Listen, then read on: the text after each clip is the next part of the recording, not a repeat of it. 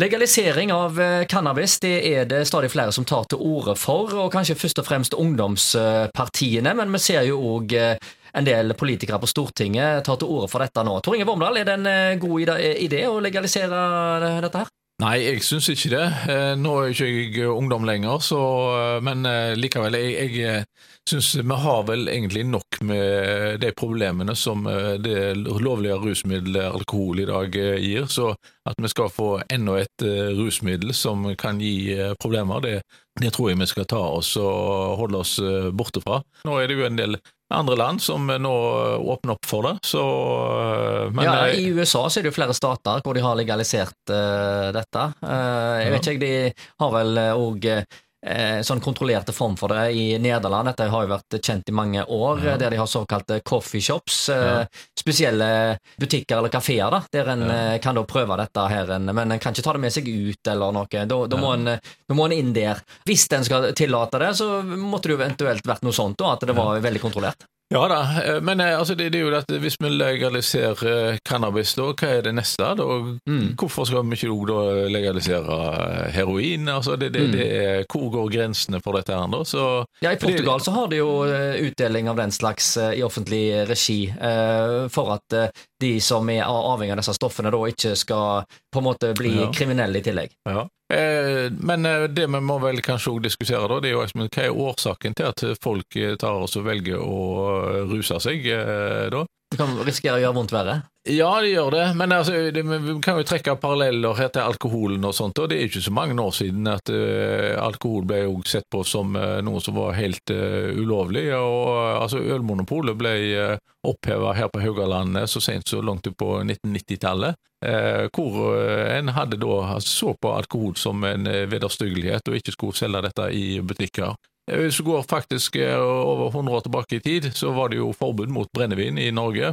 I 1919 så hadde vi da eh, folkeavstemning, og da var det stort flertall i Norge for at det skulle være forbudt å selge brennevin. Eh, da all alkohol over 12 eh, var forbudt. Det var sånn ca. to tredjedeler av landets befolkning som sa nei til det. Og det var spesielt Det var jo et fenomen hvor altså Vestlandet mot Østlandet og sånt. da. Men i syv år så hadde man altså forbud mot brennevin i Norge. og Eh, det, det, fungerte, det. Du fikk ned eh, dette med alkoholmisbruk, eh, da, altså og du fikk mindre full i gatene og sånne ting som det. Men det snudde, på, snudde seg, fordi det skjedde jo veldig mye smugling. Og da, etter syv år, så i 1926, så ble det ny folkeavstemning. Og da var det et eh, flertall eh, da som var mot å, å at vi skulle ha brennevinsforbud eh, da. Så, men her på Vestlandet, og spesielt i Haugesund, så var det jo stort flertall da når det var folkeavstemningen at en skulle ha denne herren brennevinsforbudet. Så det var altså det som gjorde at du fikk oppheva brennevinsforbudet i 1926, det var jo den altså På Østlandet så var det blitt stort flertall for det da. Og hvis du ser på det, dette I Haugesund så var vi jo eh, mer eller mindre tørrlagt helt fram til 1960. Da var det forbud mot eh, til og med å, å selge og omsette øl i, eh, i vår by. Så, men så hadde vi en folkeavstemning i 1960 som gav uh, et relativt knapt flertall for at butikkene skulle få lov til å selge øl.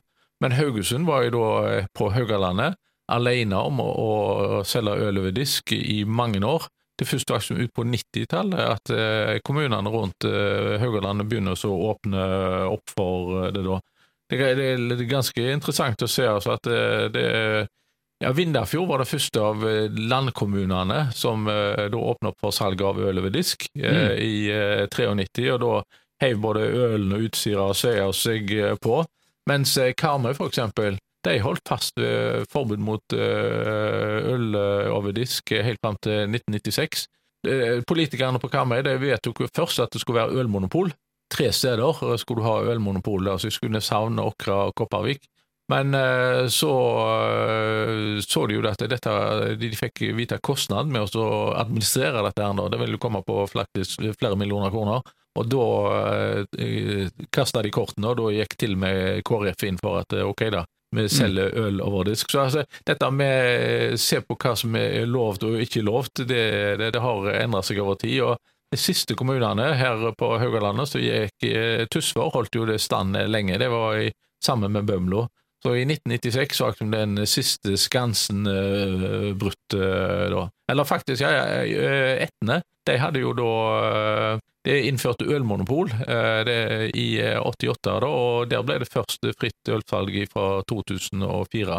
Yes. Så, så det, det, men altså, vi har synet på hva som er bra og ikke bra, det har endret seg. og jeg ser ikke bort fra at om en, eh, en del år så vil vi òg få en legalisering av cannabis i Norge. Men jeg synes at vi så lenge som mulig skal holde standard, fordi at alkoholen gir store skadevirkninger. Mange, de aller fleste av oss kan kontrollere vårt konsum av alkohol, men det er da mange som ikke kan det, og det fører til utrolig mange tragedier og store kostnader for samfunnet. Og jeg tror jo at hvis vi òg da får cannabis i tillegg til det, så vil du få eh, enda flere problemer. Så mitt standpunkt er nei til salg av, fritt salg av eh, cannabis.